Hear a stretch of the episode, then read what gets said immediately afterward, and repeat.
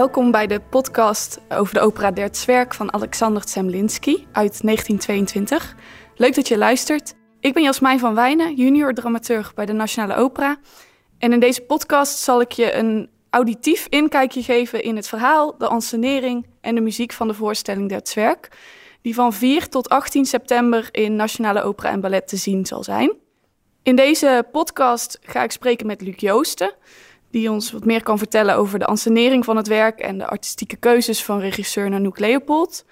En daarna zal hij samen met repetitor Ernst Munneke op een muzikale reis door de prachtige partituur van Zemlinsky gaan.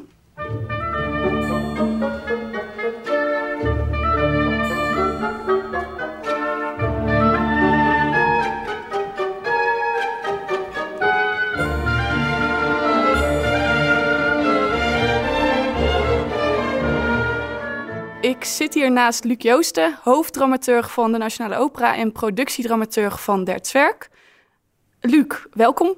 Zou je in het uh, kort kunnen toelichten waar Der Zwerg over gaat?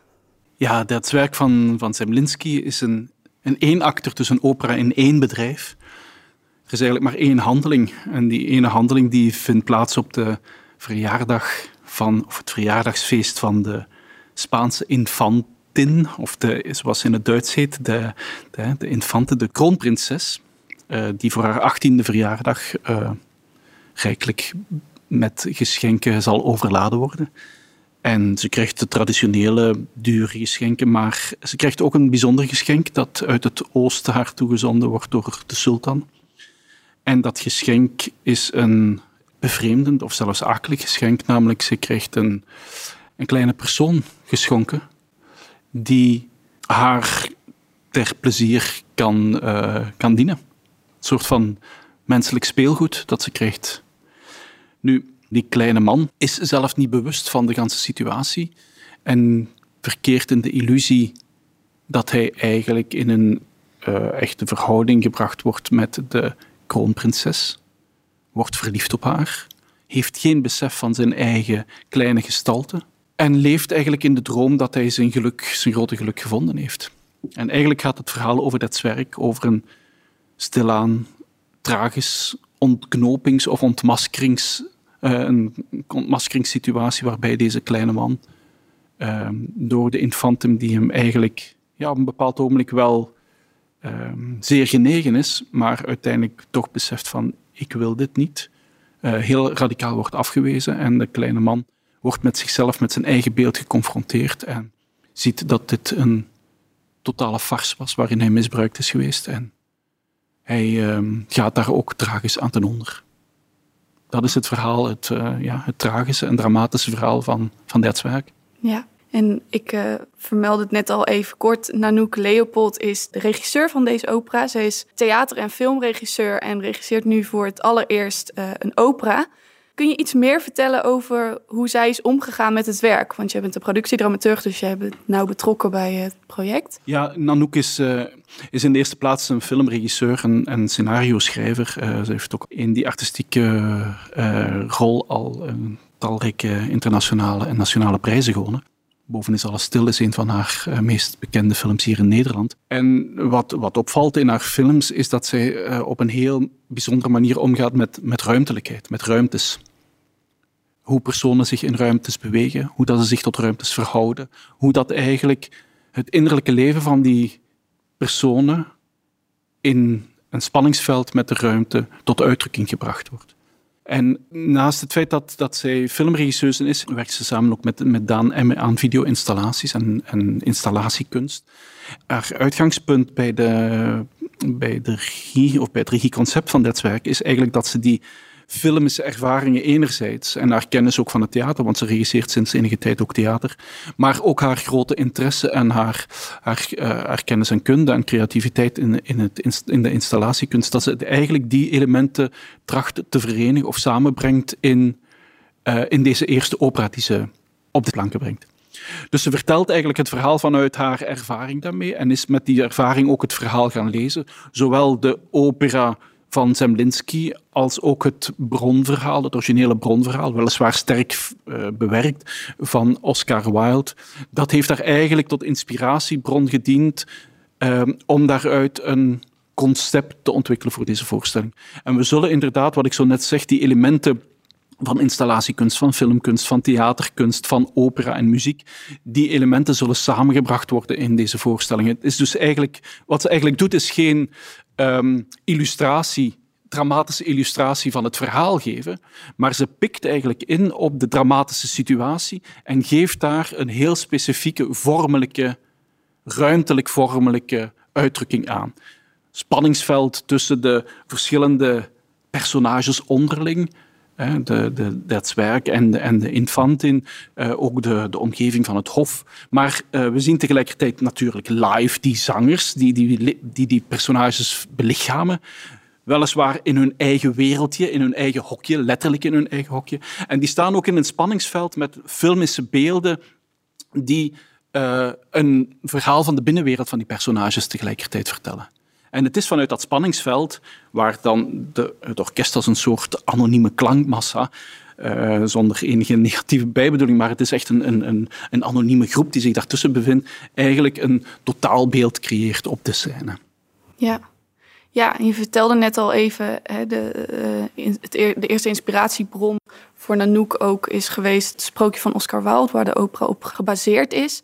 En ze heeft ervoor gekozen om dit verhaal in een specifieke wereld uh, ja, onder te brengen. Ze, ze, is inderdaad, Wilde heeft eigenlijk een sprookje gecreëerd. Dat sprookjeselement is veel minder sterk in het libretto aanwezig. Dat is er een beetje door de librettist uh, Georg Klaren, die vooral de, de psychologische, diepere drijfveren van het verhaal is gaan benadrukken, is er wat uitgelaten. Bij, um, bij Wild zien we dat dat speelt in een sprookjesfeer, waarin dat ook planten en dieren tot leven komen en ook in dialoog staan met de hoofdfiguren. En dat was voor, voor ook een, een, een inspiratiebron om te gaan denken van hoe geef ik eigenlijk dat conflict, wat eigenlijk een, ook een conflict is over hoe oordelen we over de ander en hoe, uh, hoe ziet de wereld die vreemde man en hoe voelt die vreemde man zich tegenover de wereld. Zij is op zoek gegaan naar die tegenstelling, die enorme tegenstelling die in dat stuk aanwezig is van de heersende opvatting van aan het hof en anderzijds die vreemde persoon die daar in de vorm van dat werk wordt binnengebracht. Hoe kan ik daar een vertaling voor vinden? Uh, ze heeft zich laten inspireren, zoals ik zei, door, door Wild om die planten- en dierenwereld en de schoonheid en, en ook de lelijkheid die daarin heerst, om die eigenlijk te gebruiken als uitgangspunt om daar vormelijk uh, een vertaling voor te vinden. Dus we zien eigenlijk elementen van die dierenwereld en we zien hoe dat daar de reële personages uh, eigenlijk een spel uh, in de vorm van, van varkens en van, van een vogel. Twee verschillende werelden die op elkaar botsen. En waarbij dat die, die ene wereld eigenlijk de andere wereld afstoot en de andere wereld gelooft dat, ze toch, dat die toch kan behoren tot die, tot die, tot die uh, grote wereld van de varkens.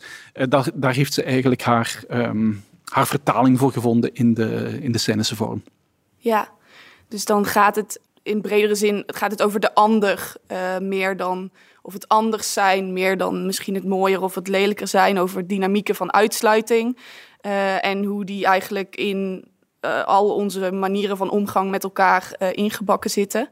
En tegelijkertijd gaat de opera ook heel erg over kunstenaarschap over de kunstenaar als de ander misschien, uh, over de erkenning van de kunst of van de kunstenaar. Kun je daar iets meer over vertellen? Ja, je hebt inderdaad terecht langs de ene kant die maatschappelijke dimensie en die spanningsverhouding. Ik zei het al, die, die, die kleine man die komt uit het oosten, die komt uit een andere wereld, wordt daar in die, in die wereld ondergebracht. En je ziet ook in het verhaal dat hij vertelt en in zijn eigen biografie die hij vertelt, dat hij uit een andere wereld komt en, en probeert zijn weg te vinden in die nieuwe wereld en daar zo lijkt daarin te slagen en dan toch daar compleet door wordt afgewezen. Dus die confrontatie, daar gaat het inderdaad over.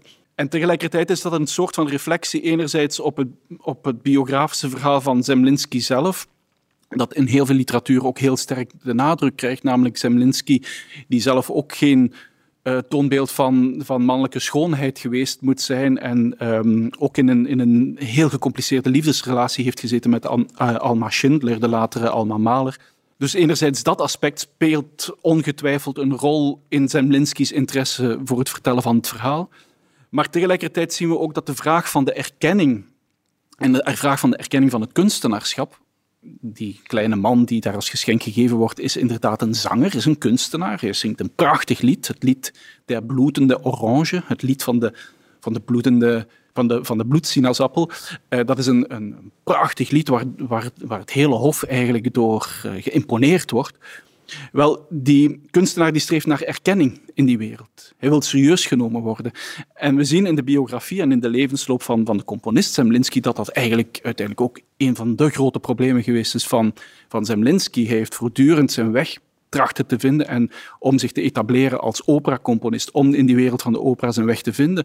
En is eigenlijk door zijn door verschillende omstandigheden altijd de foute man op de foute plaats geweest, om het simpel te zeggen, waardoor dat eigenlijk zijn werk dat erkend werd door iedereen in zijn directe omgeving, zeg nu maar Schoenberg en, en alle componisten waar hij contact eh, mee had, waar het, de kwaliteiten enorm erkend werden, kwam eigenlijk zijn werk in, bij het grote publiek nooit aan. En het is de vraag van de rol van de kunstenaar, de kunstenaar Zemlinsky, maar de kunstenaar in het algemeen en zijn taak en zijn functie in deze wereld, Ehm, die ook in deze opera op een of andere manier onderhuids voortdurend, uh, voortdurend meesluimert.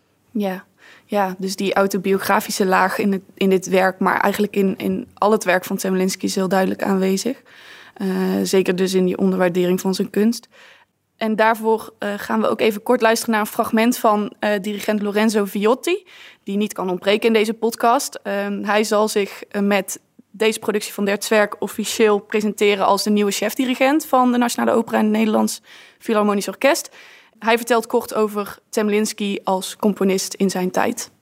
It's a man who was born, I think, in the wrong time.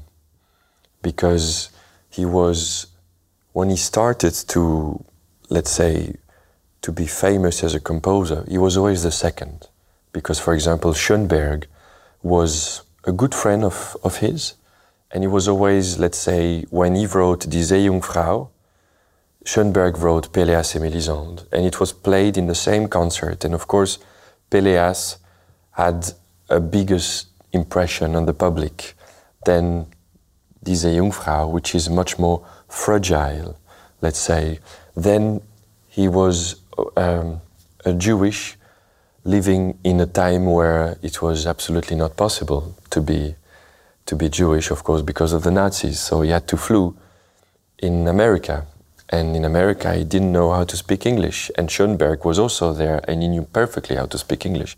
So, in many time of his life, let's say, as a conductor, he was a, an amazing conductor. But he was conductor in the Volksoper, not in the Staatsoper in Vienna. So he was always, in a way, in the shadow of someone else. Conductor, composer, lovers. He was in huge love with the future Alma Mahler, and uh, and then she met Gustav Mahler, and then he was nothing anymore for her. So he was it, he was a very unfortunate man. He was small, he was not very beautiful.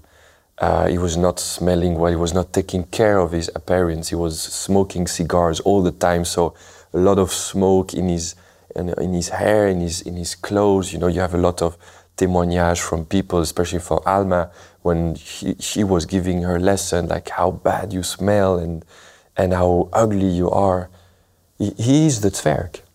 Dat Semlinski in zijn eigen tijd uh, ondergewaardeerd was, werd ook door de componist Schoenberg beaamd, die terwijl Semlinski nog leefde, tegen hem zei: Jouw tijd komt nog wel. En gelukkig is die opleving van zijn werk ook gekomen. In het volgende deel van deze podcast zal Luc in gesprek gaan met Ernst Munneke, die repetitor is van dit werk. En zij zullen verder spreken over die muziek van Zemlinski, eh, de partituur van dit werk. Dan zul je zien waarom het onterecht is dat zijn werk zo lang eh, ondergewaardeerd is geweest. Goedemiddag Ernst Munneke. Hoi Luc. We zitten hier in de stemkamer aan de piano en we gaan eh, naar de partituur van dat werk van Alexander Zemlinsky luisteren. naar fragmenten daaruit. Eh, de muziek van Zemlinsky is niet bij iedereen bekend. Uh, het is een componist die niet de erkenning gekregen heeft, of nog niet de erkenning gekregen heeft, die hem eigenlijk ten deel valt. Maar het is een fantastische muziek uiteindelijk. Zeker.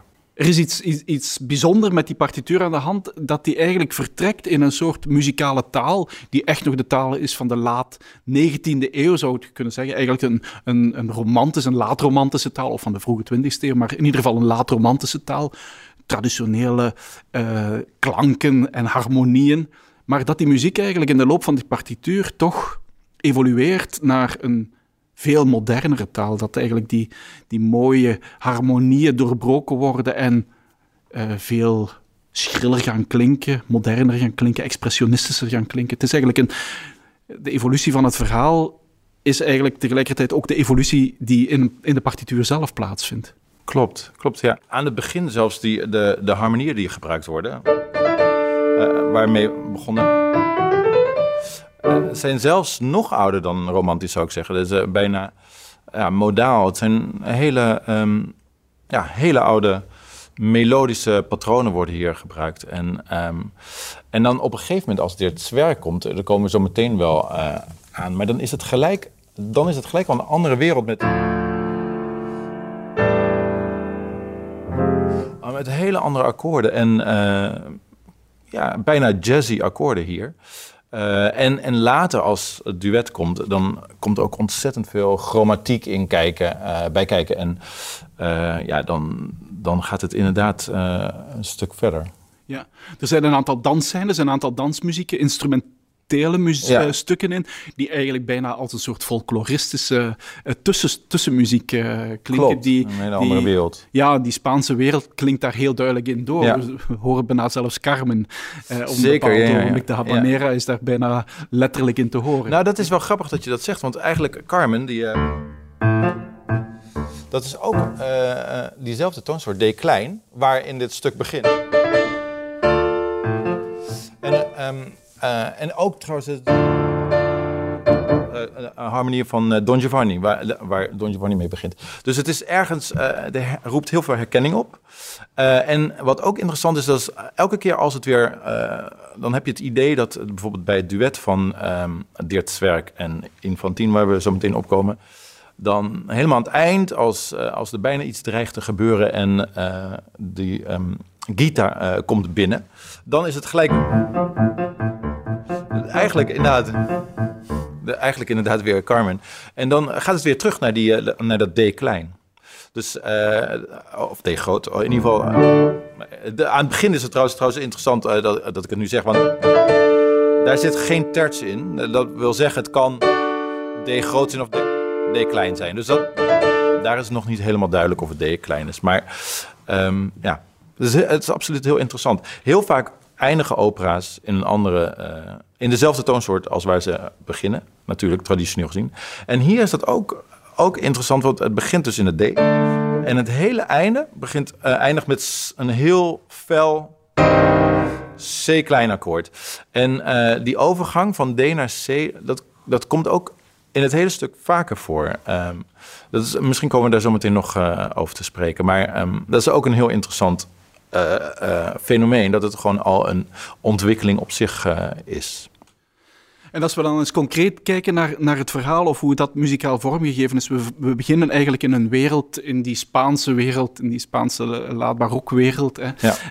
in die wereld van de infantin, van de, van de kroonprinses die haar verjaardagsfeest viert. Ja. dat is eigenlijk een hele ceremoniële wereld en die, die zit ook muzikaal eigenlijk ja, heel sterk, erg, in, ja. sterk ceremonieel in elkaar. Heel erg. Begin gelijk uh, van... Uh, er gaat iets gebeuren, duidelijk. Maar uh, een soort van... Eigenlijk bijna een soort traditionele... Hendeliaanse ouverture van de koning komt binnen, zeg maar. En dan heb je dat thema... Um, En, en dat wordt vervolgens, wordt dat, als de tekst komt, dan zegt hij... Den Geburtstagstisch der Gnädigsten Infantin. Dus het is duidelijk dat het over haar verjaardag gaat. Dat is dan Don, Don Esteban eigenlijk de huishofmeister, degene ja. die, de, die de ceremonie in orde moet houden. Ja. En, en wat gelijk interessant is, um, maar misschien stap ik daar al te ver eh, mee naar eh, waar we het straks over gaan hebben. Maar het eerste thema, als je zeg maar die eerste noot neemt en dan de tweede. Als je daar zeg maar een spiegel tegen zet, komt die weer terug. Dus nou horen we later waarschijnlijk van jou dat de spiegel een heel belangrijk eh, thema is in het stuk. Maar dat hoor je meteen bij het e- eerste. En dat thema, of, of zelfs komt, nou misschien wel, er komt een paar honderd keer voor in de, in de opera. En, en die spiegel is ook in een, ehm, want als we dan even doorgaan, eh, dit sowieso. Is ook een thema wat een beetje, het gaat omlaag, omhoog, omlaag, omhoog. Dus ook in het midden zou je een spiegel kunnen neerzetten. En vervolgens krijg je. Dus hij gaat drie omhoog en, en drie omlaag. Dus ook weer een spiegel. En eh, gelijk aan het begin, de eerste eh, vier maten heb ik nu gespeeld, vijf maten, wordt dat gelijk neergezet. En die spiegel is inderdaad een groot symbool hè, in, in, Ja. in dit werk. Eh, we zien in het begin sowieso al alles glinsteren, maar achteraf, de spiegels worden bedekt, wordt er dan gezegd in het verhaal, omdat de, de, dat zwerk mag zichzelf niet herkennen. Nee, hij heeft Zo- zichzelf nog nooit... Hij heeft eh, zichzelf nog nooit gezien. nee. Mag zich ook niet herkennen, want anders is de grap voor het hof er meteen vanaf. ja, Maar het stuk evolueert wel naar de grote scène waarin dat uiteindelijk die dat wel gebeurt waarin dat, dat wel gebeurt. Ja. Kunnen we misschien eens gaan kijken hoe dat die figuur van dat zwerk, die kleine man als geschenk uit het oosten, hoe dat die geïntroduceerd wordt, hoe dat die eigenlijk ge- ge- muzikaal ook geïntroduceerd wordt in Ja, dat zijn die harmonieën die ik net ehm, eh, speelde, inderdaad. Op het moment, Don Esteban, dat hij inderdaad vertelt... eh Der Sultan zandte einen Zwerg. Dus ik heb eh, eh, als een van de cadeaus die die infantin krijgt... eh, heb ik een, heeft de sultan een dwerg gestuurd. En dan hoor je dit thema met een Engelse hoorn, een heel prachtig... ja, melancholiek, pregnant geluid.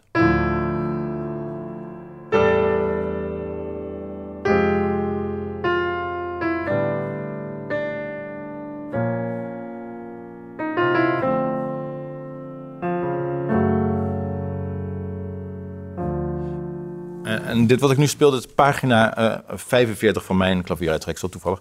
Maar de, de eerste 44 pagina's zijn de hele tijd een, eh, toch een vrij eenvoudige, eh, zoals we net hebben gezegd, muzikale stijl geweest. En nou ineens zi- zitten we in een wereld die eigenlijk veel echter is, veel introverter, maar ook veel, ehm, ja, eigenlijk veel mooier en veel interessanter. Ja, en dat, dat thema komt een aantal keer, een viertal keren terug, als ik me niet vergis. Interessant. Nou, dat thema komt heel vaak voor. Ik denk vaak aan vier keer. En het interessante is ook dat die steeds in een andere vorm terugkomt. Dus eh, andere ritmes, andere maatsoorten. Dus een soort van leidmotief. Zeker, ja, ja, absoluut, ja. Waarin dat het thema niet alleen letterlijk herhaald wordt, maar zich eigenlijk ook in de loop Evolueert, van het, evolueert in de, in de loop van, van, eh, van de partituur. Ja, absoluut. Maar goed, hij wordt dan ook nog... Dit is zeg maar misschien zijn karakter. Zijn innerlijke wereld. ja. Exact. Maar hij wordt ook nog... eh, er wordt ook nog min of meer de spot met hem gedreven... met hoe hij zich... eh, hoe, hoe hij eruit ziet in de zin van hoe hij zich voortsleept. Of hoe hij Want- gezien wordt door het hof uiteindelijk. Mm, Ja, inderdaad. Of, ja, nou goed, hij, hij loopt waarschijnlijk een beetje.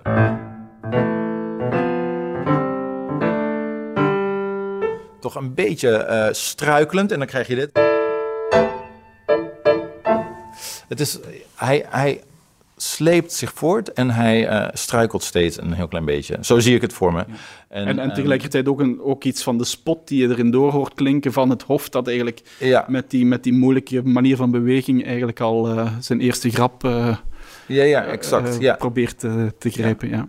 Als we dan eens gaan kijken naar eigenlijk die, de, de tegenfiguur voor dat werk, of de, ja, de, de beloofde prinses voor, de, voor dat Ja. werk, hè, eh, die infantin, eh, Donna Clara, hoe wordt die eigenlijk eh, gepresenteerd? Of eh, is daar, heeft Nou, Zemlinski het is daar een- interessant. Helemaal aan het begin, ehm, dat hadden we nog eventjes overgeslagen. Maar eh, als, als zij eigenlijk voor het eerst echt gaat praten... dan hebben wij ook weer die hele eh, feestelijke muziek.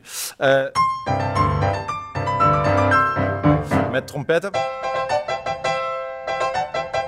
En dan in één keer gaat zij spreken en dan krijgen we een heel...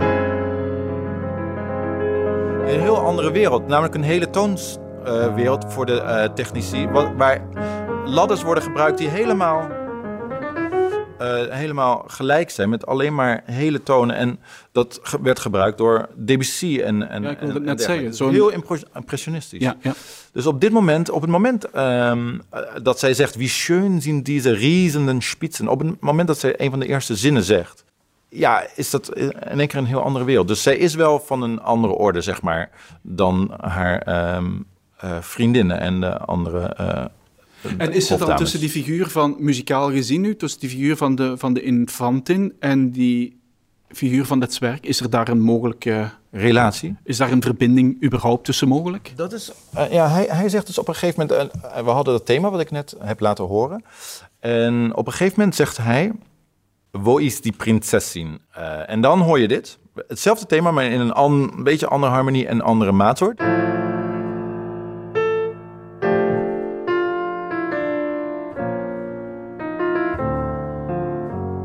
Zegt de House of Meister, hier steht voor eer, dus daar staat ze.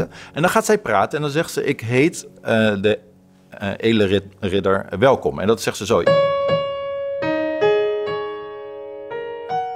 En dat is een hele, ehm, het zijn twee kwarten. En ehm, heel, eh, eigenlijk zonder echte emotie is dat. Want een kwart, ja, er zit eigenlijk geen echt gevoel bij. Het is, het is vrij koud. Ehm, en die kwart is trouwens wel interessant, want dat is hetzelfde als... Waar, waarmee hij zich presenteert. Dat is ook een kwart. Eh, maar als zij laten gaan praten, krijg je diezelfde kwarten. En dan is het in één keer wonderschoon met de harmonieën van Zemlinski. Dan zegt ze, we gaan even samen praten. En ze stuurt iedereen weg. En dan krijg je...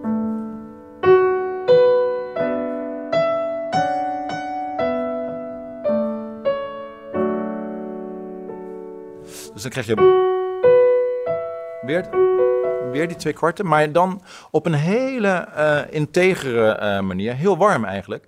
En dan op een gegeven moment, eh, dan zegt ze ook, we, we, we blijven hier totdat de bis der Garten Frieden spendet. En ehm, dan krijg je ook weer al die kwarten.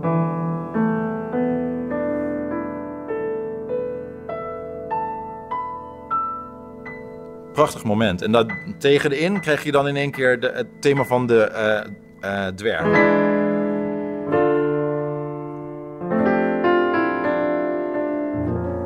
Enzovoort. Dus eh, daar verweven die twee thema's zich op een hele, eh, hele prachtige manier. Ja, dus die figuren kun, kan je zeggen komen op een of andere manier, ondanks hun grote verscheidenheid, toch muzikaal worden die samengebracht. Ja, heel duidelijk, Ja, ja. ja.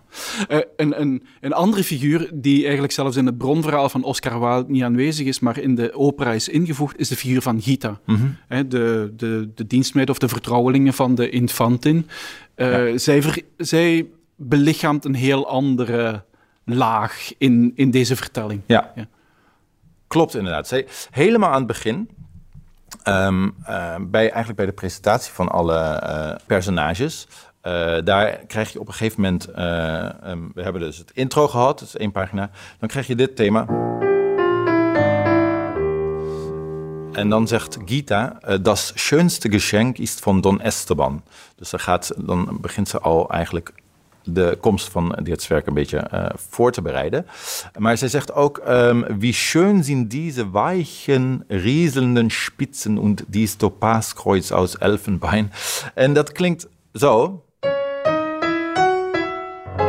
Wat trouwens heel kort al even een spiegeltje is van... gaat omlaag en eind omhoog. En dit precies andersom.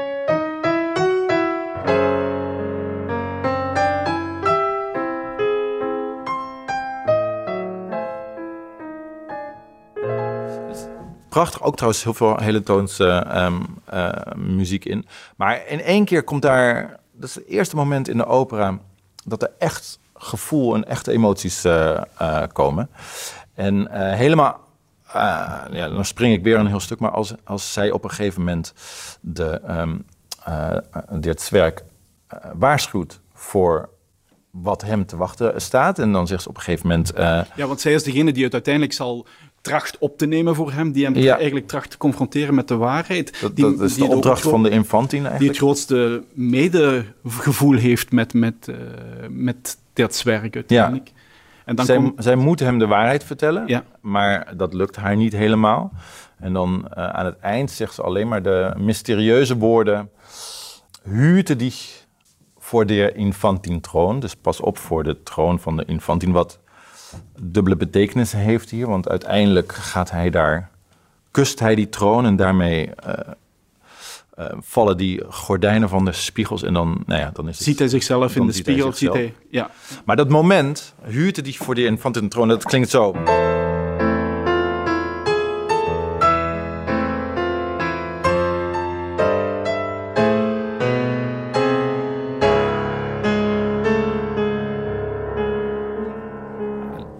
Goed, de opbouw naar naartoe is, is, is weergeloos. Het is Ja. een ongelooflijk moment dat Ja, precies klein... Een soort van diep menselijke schreeuw die ze ook in het gezang laat horen. Hè? Absoluut. Echt, echt Ja. een, En dan gelijk weer dat thema van ehm, eh, eh, de spiegel, maar dan op een hele doorleefde manier. In een hele andere toonsoort. en ze kondigt eigenlijk de, de ondergang van de, van de zwerk eigenlijk al onrechtstreeks aan door deze muziek. Ja, Ja. absoluut, absoluut. Eh, als we dan tot, die, tot dat moment van die, van die ontmaskering voor de zwerk zelf komen, eigenlijk aan, naar het einde van, Mhm. van, van de opera zelf, hè, die grote confrontatie met zijn eigen zelfbeeld, dan zitten we echt in, een, in, een, in de meest bevreemdende muziek van het werk, waarin dat, Ja. dat zwerk ziet en zichzelf met zijn eigen beeld moet identificeren, wat hem eerst niet lukt, zelfs niet eens lukt. Ja. En pas in een later moment eigenlijk wel gaat lukken. Ja, Ehm, exact. Ja, Is er daar, kan je daar ook eh, eventjes laten horen hoe dat muzikaal Nou, door interessant. wordt ge- gepresenteerd? Wat, wat vlak voor ehm, eh, eigenlijk een heel ander belangrijk thema, eh, wat heel veel voorkomt, eh, is een thema van, van de dood, zou ik eigenlijk willen zeggen. Ehm, dat is dit thema. Ehm, wordt ook in meerdere toonsoorten gedaan, maar goed.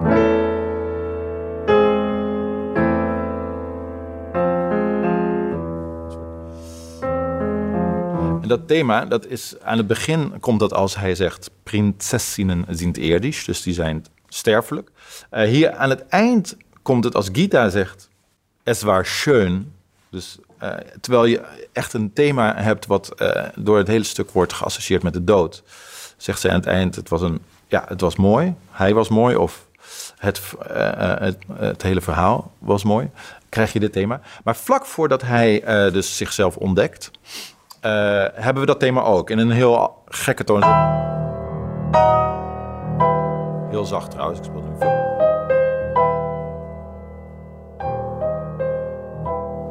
En dat is, dat, daar is ontzettend veel suspense. Dan is en dan in één keer vallen die eh, gordijnen en dan, dan ziet hij zichzelf. En dan, ja, dat moment is eigenlijk niet echt op een ehm, piano te spelen, want daar, eh, daar spelen geloof ik alle eh, instrumenten op hetzelfde moment tegelijk. En eh, heel veel thema's komen daar samen. En ja, dat is een, echt een kakofonie van geluid. Er zit ook bijna geen ehm, harmonische structuur in. Maar hij ziet dus zijn spiegelbeeld en dan zegt hij, wat, wie is dat, wie is dat? Hij, hij spreekt onhoorbaar. En dan krijg je zo'n, ik weet niet of ik het kan spelen. Zo. Het zijn eigenlijk eh, drie spiegeltjes. Wordt gespeeld door piccolo en, ehm, en, en, en xylofoon. En, en heel snel. En dat is die stem in zijn hoofd. eh, of, of die stem van degene die die in de spiegel ziet. En ehm, nou goed, daar, komen, daar wordt dat spiegelthema ook weer eh, duidelijk gebruikt. En een ander thema dat daar ook terug eventjes in de herinnering opduikt van dat werk, is het, eh, het thema van de witte roos. Eh, De witte roos die hem Zeker, geschonken, is, geschonken werd door de, door de prinses in de openbaarheid van de balzaal, van de danszaal. Ja, En dat uiteindelijk ook van daaruit, vanuit het spiegelmoment zal ik maar zeggen, ook de, de boog maakt naar, naar zijn totale ondergang. zeker. Dat is een prachtig moment. Hij zegt op een gegeven moment dus inderdaad... eh, Du hast mir eine weiße Rose geschenkt. En dan...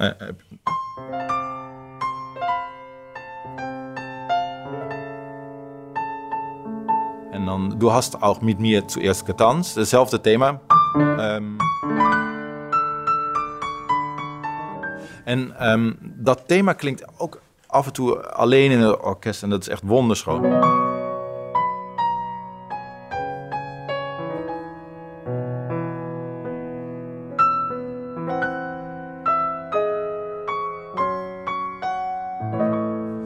Dat prachtige thema. En eigenlijk is dat ook weer een spiegel van helemaal aan het begin als uh, de gespielinnen, de, het koor, de, de dames van, de, uh, van het hof, als die zeggen, uh, wir wollen die infantin kreunen, wij willen haar, ja, haar op haar verjaardag willen we haar in het zonnetje zetten. En dat krijg je um, eigenlijk een hele naïeve melodie, maar ook in, in hetzelfde, um, zeg maar, driedelige dansritme met gepuncteerde triolen. Maar van, van beneden naar boven, waar dit weer van. Juist van boven naar beneden komt. En ook hier zit veel meer um, grammatiek in. Veel meer kleine. Kleine uh, wisselingetjes die, die emotie uh, en, en spanning uh, opwekken. Ja, absoluut. Ja. Dan zijn we eigenlijk aan het einde van de opera aangekomen. Maar we kunnen, ik kan het toch niet laten om toch misschien eventjes nog terug te verwijzen. En we hebben de, het werk ook als een, als een, als een romantisch figuur uh, krijgen we hem gepresenteerd, ook muzikaal. Ja. Hij heeft echt ook één heel groot moment waar hij zich als kunstenaar, als zanger kan presenteren aan het ganse hof. En dat is dat prachtige lied van de bloedsinaasappel. Ja. Eigenlijk waarin dat het zijn eigen lot in drie strofen wordt, uh, wordt verteld. Vertelt hij eigenlijk zijn eigen lot ja. voordat hij het zelf nog moet gaan ondergaan. Ja. Uh, kan je ons daar even iets van laten horen? Van ja, dat, en, dat is eigenlijk een, een heel eenvoudig lied. En, uh, voornamelijk begeleid door um, harp. Um, het wordt geïntroduceerd. En dan zegt hij: Meetje niem die bloed in een oranje.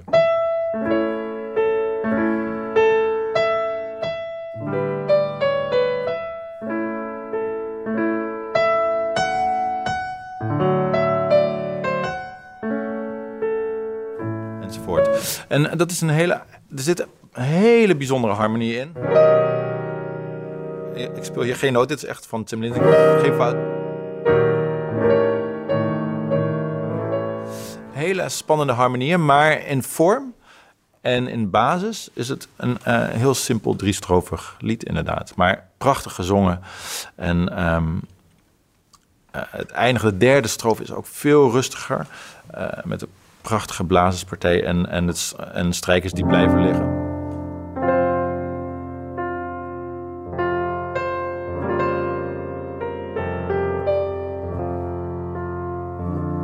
Nou goed, enzovoort. Dat en dan zijn we eigenlijk los, los van de enorme rijkdom die in die partituur uh, ligt, muzikaal en materiaal zelf, ja. hebben we nog niet eens echt gesproken over de ongelooflijke orchestrering die dit werk eigenlijk Exact, ja. Dit is op, op piano is het niet uh, um, ja. uh, goed duidelijk te maken, maar inderdaad, het is, een, het is sowieso een enorm orkest, dus hij heeft ook heel veel kleuren tot zijn beschikking, maar hij gebruikt die kleuren ook echt fenomenaal. En ja, Zemlinski is echt, zoals je aan het begin zei, onterecht uh, onbekend. Want uh, het is ongelooflijk hoe hij al deze thema's verweeft. En hoe hij inderdaad orchestreert, hoe hij al die kleuren maakt. En, en dan hebben we zeker nu met deze, met deze productie van Detswerk hier bij ons op het toneel de kans om Detswerk sinds lang eigenlijk, want het is van de jaren 80, midden jaren 80 als ik me niet vergis, dat hij voor het laatst uh, te horen was. Hebben we opnieuw de kans om, om het werk live te horen. Met ja, geweldig Nederlands Philharmonisch Orkest onder leiding van Lorenzo Viotti in een nieuwe productie. Ernst Meurneke, hartelijk bedankt voor deze fantastische toelichting en we kijken allemaal uit naar de première over enkele dagen. Ik ook, zeker. Dankjewel. Dank je.